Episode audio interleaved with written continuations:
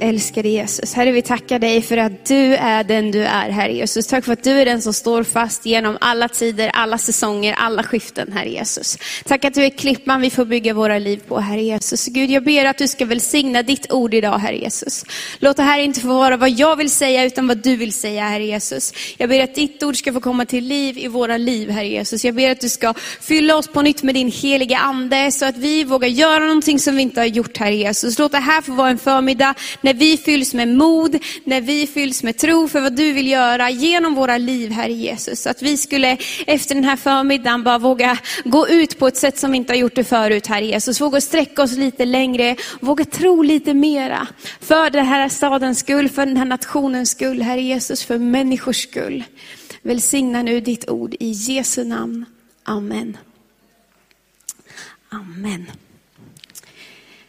Som Kalle redan har nämnt så är vi inne i del tre på våra bön och fasteveckor. Vi har haft rubriken uppåt, vi har haft rubriken inåt och idag så är rubriken utåt. Eh, vi börjar med att se uppåt, vi ser på Jesus, vi ser vem han är, vi förstår vem Gud är, vi ser inåt. Efter att vi har sett på Jesus så kan vi se vilka vi är i honom. Förra veckan så fick vi höra en fantastisk predikan av Carl Gustav Severin. Har du inte lyssnat på den så gör det. Det var otroligt bra. Och idag så ska vi då predika om utåt. För när vi har sett Jesus och när han har gjort någonting i våra liv så gör det att vi agerar, att vi faktiskt gör någonting, att vi kommer till handling. Och vi ska prata om det här görandet idag.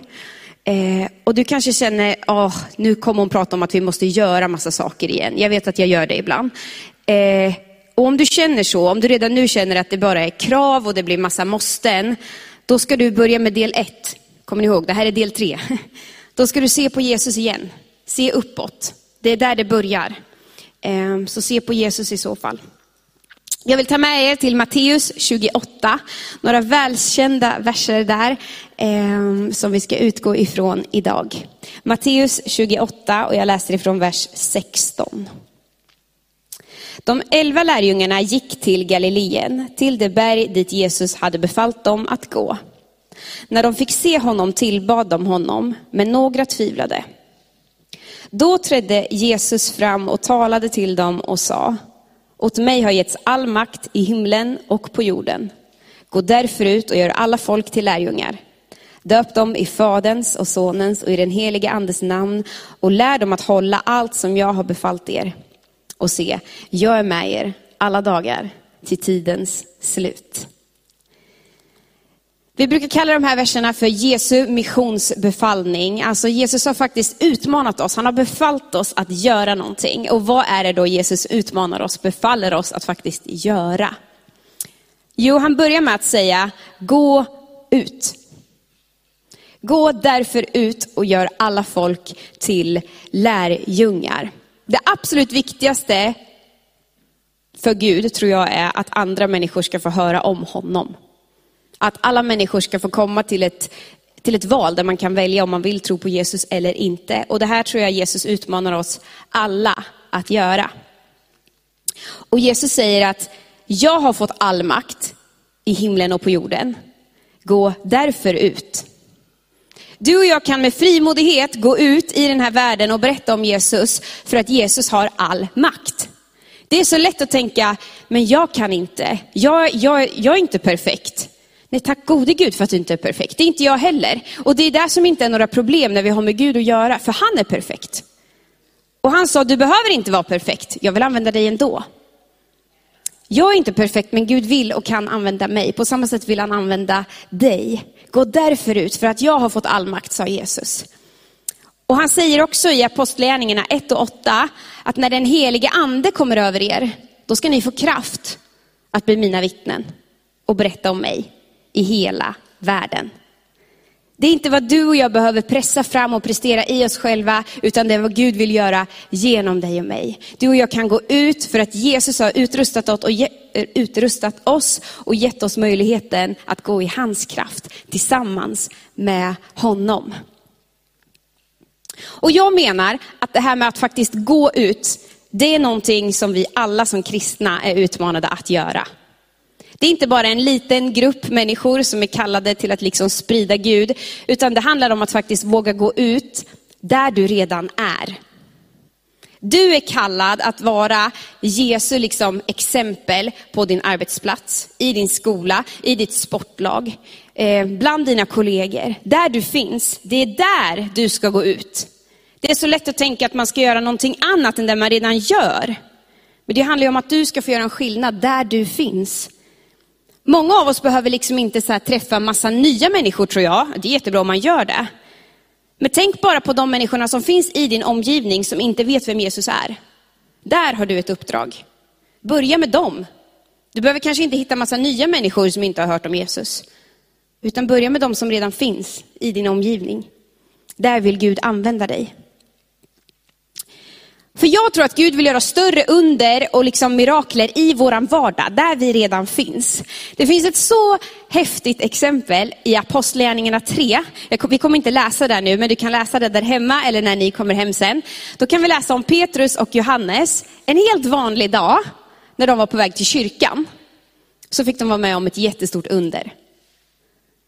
De var på väg till kyrkan och så möter de en lam man som ber dem om pengar. Den här lama mannen säger, hej kan jag få en liten gåva liksom? Och Petrus säger, silver och guld har jag inte, men det jag har det ger jag dig. I Jesu namn, res dig upp och stå. Och den här mannen blir helad. Ett så stort under gör Gud när de är på väg till kyrkan. För att de väljer att se det som redan finns i deras vardag. Och det här tror jag att Gud vill göra i våra liv också. Där vi redan finns, där vi går fram i vår vardag, kanske när du är på väg till kyrkan, när du är på väg till jobbet, när du sitter och pratar med dina vänner på lunchrasten. Där vill och kan Gud använda dig. Om du vågar vara öppen för det och faktiskt tro att du har fått kraft ifrån den heliga ande att göra det. Det är att gå ut. Jesus sa, gå ut, gör alla folk till lärjungar och döp dem i Faderns och Sonens och den helige Andes namn. Dopet är ju liksom exemplet i Bibeln på när människor bestämmer sig för att lägga sitt liv i Guds händer. Alltså att komma till tro. Vi är var och en tänkta att leda människor till det ögonblicket, tror jag. Du är tänkt att vara någon som kan leda andra människor till det där avgörande momentet när man säger, jo men nu tror jag på det här. Jag har förstått vem Jesus är och jag vill ta emot honom i mitt liv. Det gäller mig och det gäller dig. För det här är, som jag sa i början, det absolut viktigaste för Jesus. Det är att människor ska kunna ta emot honom. Gud, jag tror att Gud har någon slags agenda utifrån så här, det här är mina prioriteringar. Och högst upp står det alltid, de som inte känner mig. Det är alltid det absolut viktigaste för Gud. Och han vill använda dig och mig för att nå dem som ännu inte vet vem han är. Kanske är det så att du finns här inne idag eller du lyssnar på det här som inte har tagit emot Jesus i ditt hjärta. Då kan du göra det idag. Du kan få komma till honom, du kan få dina synder förlåtna, du kan få ett nytt liv, du kan få bli frälst idag. Du kan få bli en kristen. För Jesus längtar efter dig. Han prioriterar dig. Och han vill använda dig och mig för att nå andra människor.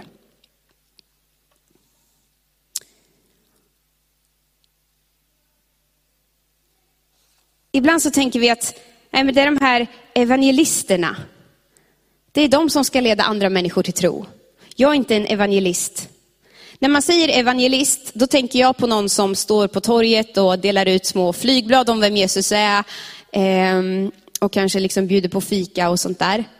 Det är på något sätt den stereotypa bilden av vad en evangelist är som bara älskar att prata med människor man aldrig har sett förut och sådär. Jag är ganska obekväm med det. Jag tycker om människor, men det där att stå på stan och, och så, det är inte riktigt min grej. Då tror inte jag att jag ska göra det. Men jag tror ändå att jag kan få vara med och leda människor till Jesus. På ett annat sätt. Alla är kanske inte sådana typer av evangelister, men alla kan evangelisera. Vi kan var och en evangelisera. Hur då? med våra liv. Vi kan med våra liv få peka på och visa vem Jesus är.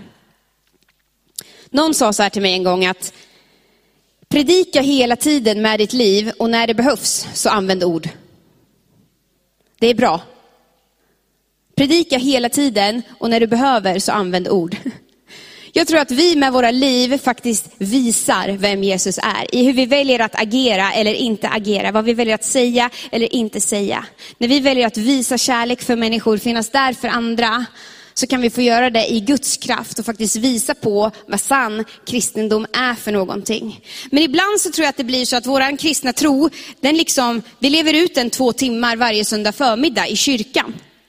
Då är det som att nu går jag till kyrkan så tar jag på mig min kristna, kristna rock, eller vad man ska säga. Och sen så går jag ur kyrkan och så lämnar jag liksom min kristna tro i kyrkan. Jag tror inte det är så det är tänkt att vara. Det är jätteviktigt att vi samlas. Jag tror att man ska komma till kyrkan. Vi ska få komma hit för att uppmuntra varandra. Vi ska prisa Gud tillsammans, fyllas med hans kraft så att vi kan gå ut i den här världen och göra en skillnad. Det är därför vi ska mötas. Så att vi kan predika med våra liv. I Galaterbrevet 5 och 6 så står det så här.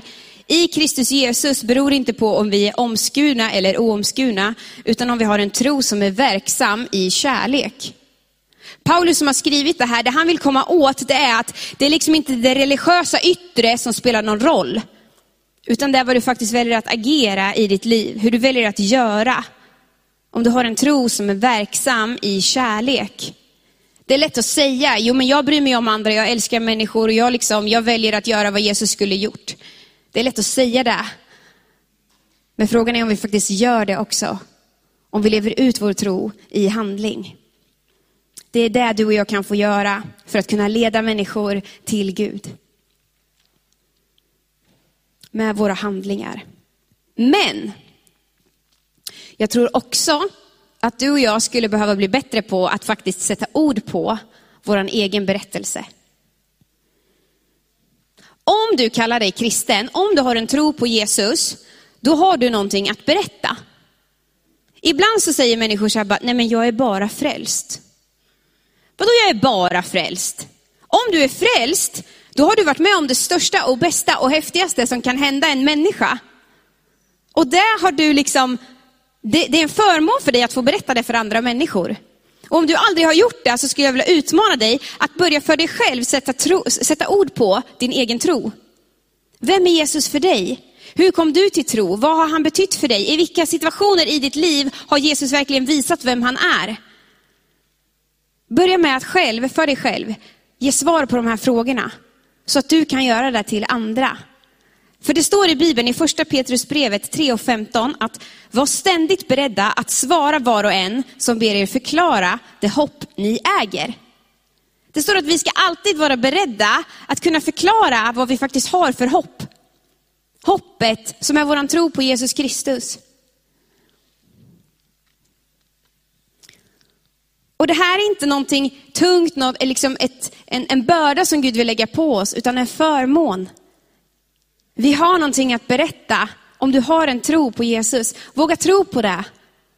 Sträck på dig, tro att Gud vill använda dig, tro att han kan använda dig. Och se det här som en förmån. Det kan vara lite läskigt om man aldrig har gjort det förut, men kom ihåg att du får göra det tillsammans med Gud. I hans kraft, i den helige andes kraft. Och jag tror att du och jag måste börja på ett nytt sätt faktiskt tro på det här. Tro att det är möjligt att Gud vill använda våra liv. Att du kan få vara med och leda människor till en tro på Jesus Kristus. Våga börja se det framför dig. Har du, liksom, har du tänkt vad som ska hända när dina kollegor blir kristna? Jag har tro för det. Har du tro för det? Våga börja se det framför dig. Dröm de här drömmarna, för Gud drömmer om det här. Han längtar efter den dagen när du ska få be med dina kollegor till frälsning. Eller dina klasskamrater, eller de i ditt fotbollslag, eller vart det nu är du finns.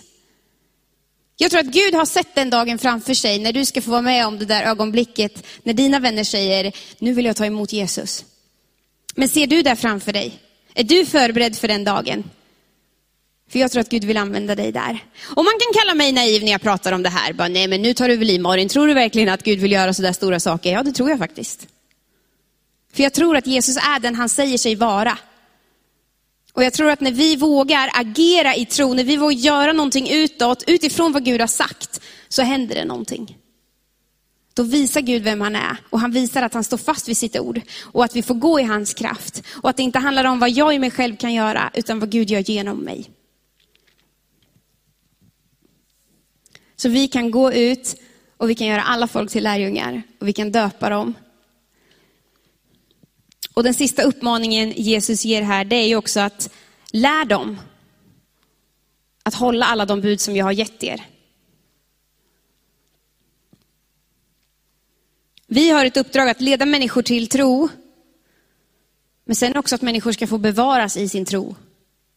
Det handlar inte bara om det där ögonblicket när man säger, jag vill bli en kristen, jag vill ta emot Jesus i mitt liv. Det är ju bara början. Sen ska man också bevaras i sin tro, man ska växa in i sin tro. Man måste liksom, det är ju en rörelse, en resa, där du och jag är superviktiga för att människor ska bevaras i sin tro.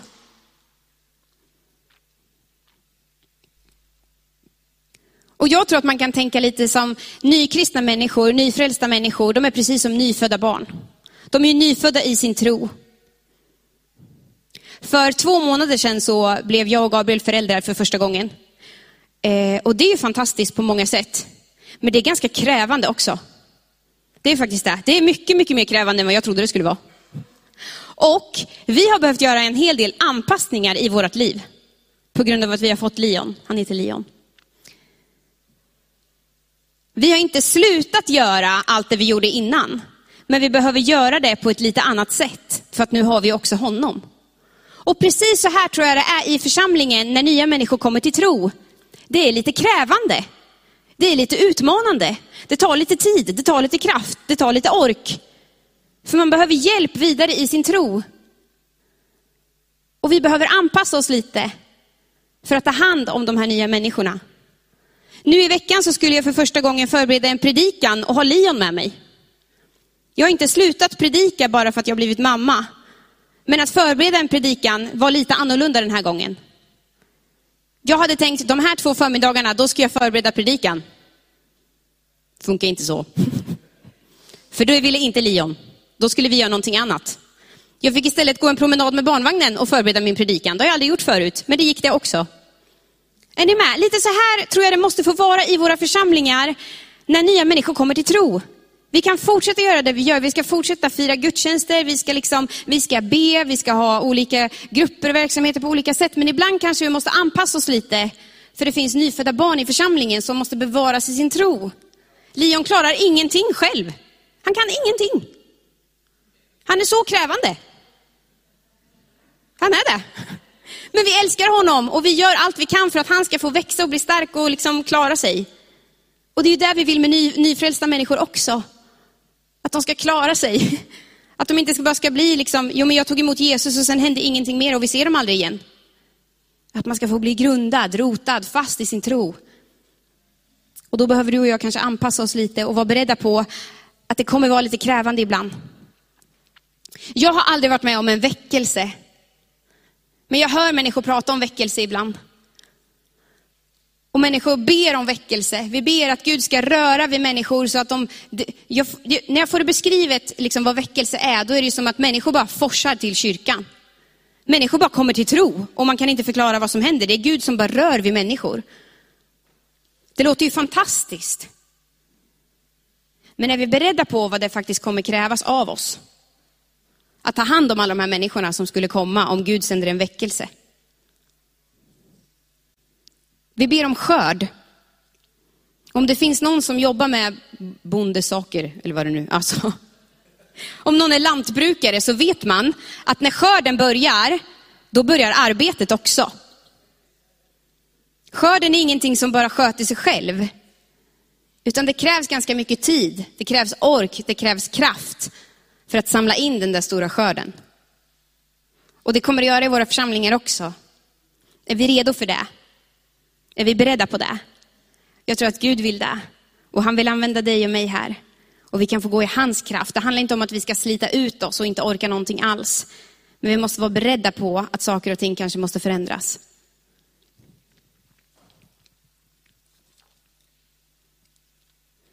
Så du och jag, vi är sända utåt till en värld. Vi kan gå ut för att Gud har utmanat oss att göra det. Vi kan gå ut där vi redan är. Och vi kan få leda människor till tro. Och vi kan få lära dem. Och att lära människor, jag tror att där handlar det ju verkligen om att bara våga dela livet med människor. Människor gör inte som du säger, utan de gör som du gör, brukar vi säga. Och det är ju så sant. Att eh, det bästa sättet att en människa ska få bevaras i sin tro, det tror jag är att faktiskt våga dela livet med människor. Säga, hej, kom och gå med mig. Jag är inte perfekt, men jag kan lära dig vad jag kan. Våga öppna upp ditt hem, våga vara äkta, våga dela livet med dem som du får leda och bevara i tron. Till avslutning skulle jag bara vilja säga någonting kort om varför vi ska göra allt det här och med vilka motiv vi behöver göra det här. Om vi inte gör det här, om vi inte går ut, om vi inte tar Jesu missionsbefallning till våra hjärtan liksom av rätt motiv, då kommer vi inte orka. Då kommer vi slita ut oss, då kommer det bara bli krav och jobbigt. Men om vi gör det här drivna av Guds kärlek, då kan det funka. Du och jag är tänkta att agera, göra och vara som Jesus själv skulle gjort när han hade gått här på jorden. Och vi kan läsa i Matteus 9.36 så här, att när han såg på folkskarorna förbarmade han sig över dem, för de var härjade och hjälplösa som får utan herde. När Jesus såg människor så fylldes han av förbarmande. Det kan också översättas med medlidande. Och det här ordet i grekiskan, i grundtexten som Bibeln är skriven på från början, det betyder, alltså det symboliserar våra inre organ. Och det här är det starkaste ordet som grekiskan har för medlidande. Att det känns rent fysiskt i kroppen. Det står alltså att när Jesus såg människor som var lidande, som behövde honom, eller som behövde hjälp av olika slag, då kändes det rent fysiskt i hans kropp. Det gjorde ont i Jesus när han såg människor som led. Och jag tror att det här är någonting av vad du och jag behöver få känna, förstå och uppleva. För att kunna gå ut i den här världen. På rätt sätt, med rätt motiv. Vi behöver fyllas av Jesu hjärta på nytt. Vi behöver ha nöd för människor.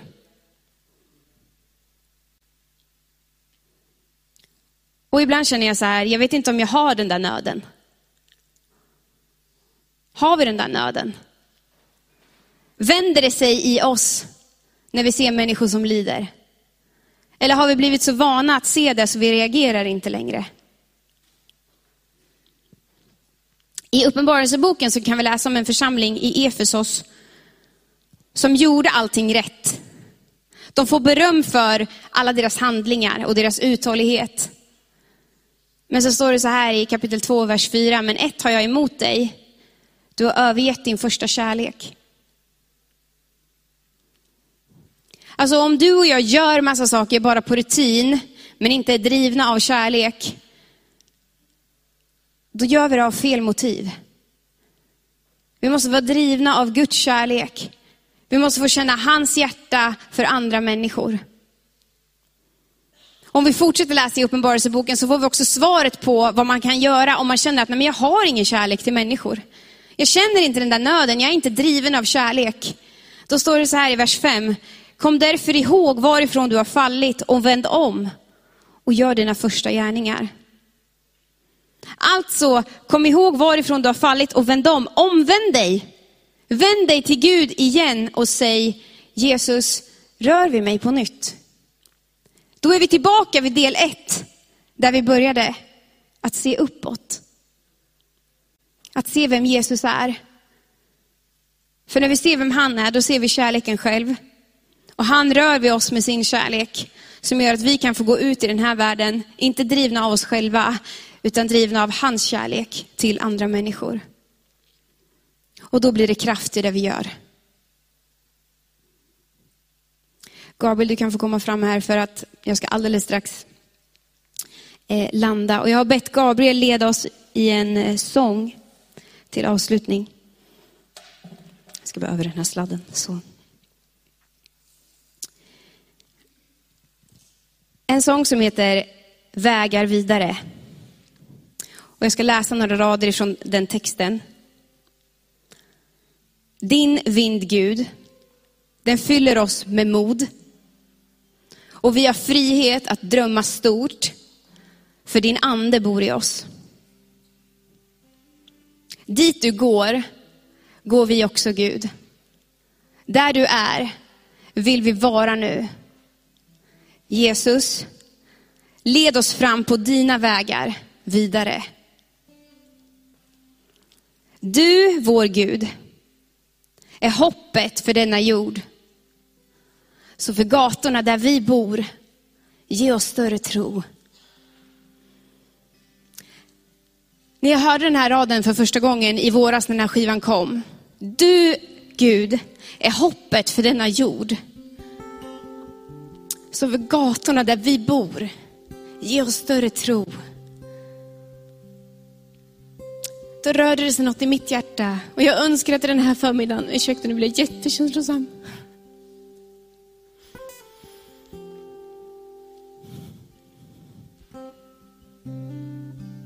Jag önskar att det skulle få röra sig i ditt hjärta den här förmiddagen.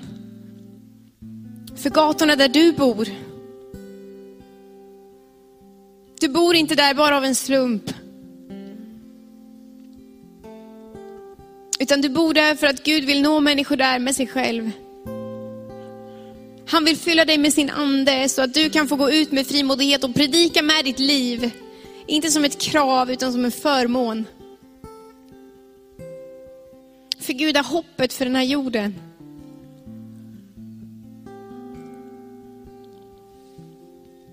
Du kan gå ut där du finns och Gud vill använda dig. Du kan få leda människor till tro genom ditt liv. Du kan predika med ditt liv och när det behövs så kan du få använda ord. Och du kan få vara med och bevara människor i tro genom att dela livet med människor. Och du kan få göra det här med rätt motiv, driven av kärlek. Och kanske sitter du här och känner bara, men jag känner inte det där som hon pratar om. Jag känner inte medlidande, jag känner inte nöd. Se på Jesus. Vänd om. Säg som det är till Gud. Jag känner inte nöd Gud, men jag vill göra det. Rör vid mitt hjärta och jag tror att han vill göra det. Jag tror att Gud den här morgonen vill ge oss hopp. Tro för gatorna där vi bor. Tro för gatan där du bor. Tro för dina kollegor, tro för dina vänner, tro för dina, dina släktingar, dina grannar. De som finns i din omgivning som inte känner honom. De vill Gud ge dig tro för den här morgonen. Så Gabriel kommer leda oss i den här sången. Ta de här orden till dig. Jag tror Gud vill skapa tro i ditt hjärta idag. Herre, jag tackar dig för den du är. Och jag tackar dig för att allting börjar med dig. Låt oss se uppåt den här morgonen för att få bli rörda av din kärlek på nytt Gud, så att vi kan gå ut i den här världen. Herre, jag ber att vi skulle få känna lite av det här förbarmandet, det här medlidandet som du känner när du ser människor som är i nöd. Hjälp oss att se de som finns i vår omgivning som du har gett oss liksom uppdraget att leda till tro, men också få bevara i tron Jesus. För du, vår Gud, är hoppet för denna jord. Och jag ber Gud, för gatorna där vi bor, ge oss större tro. I Jesu namn. Amen.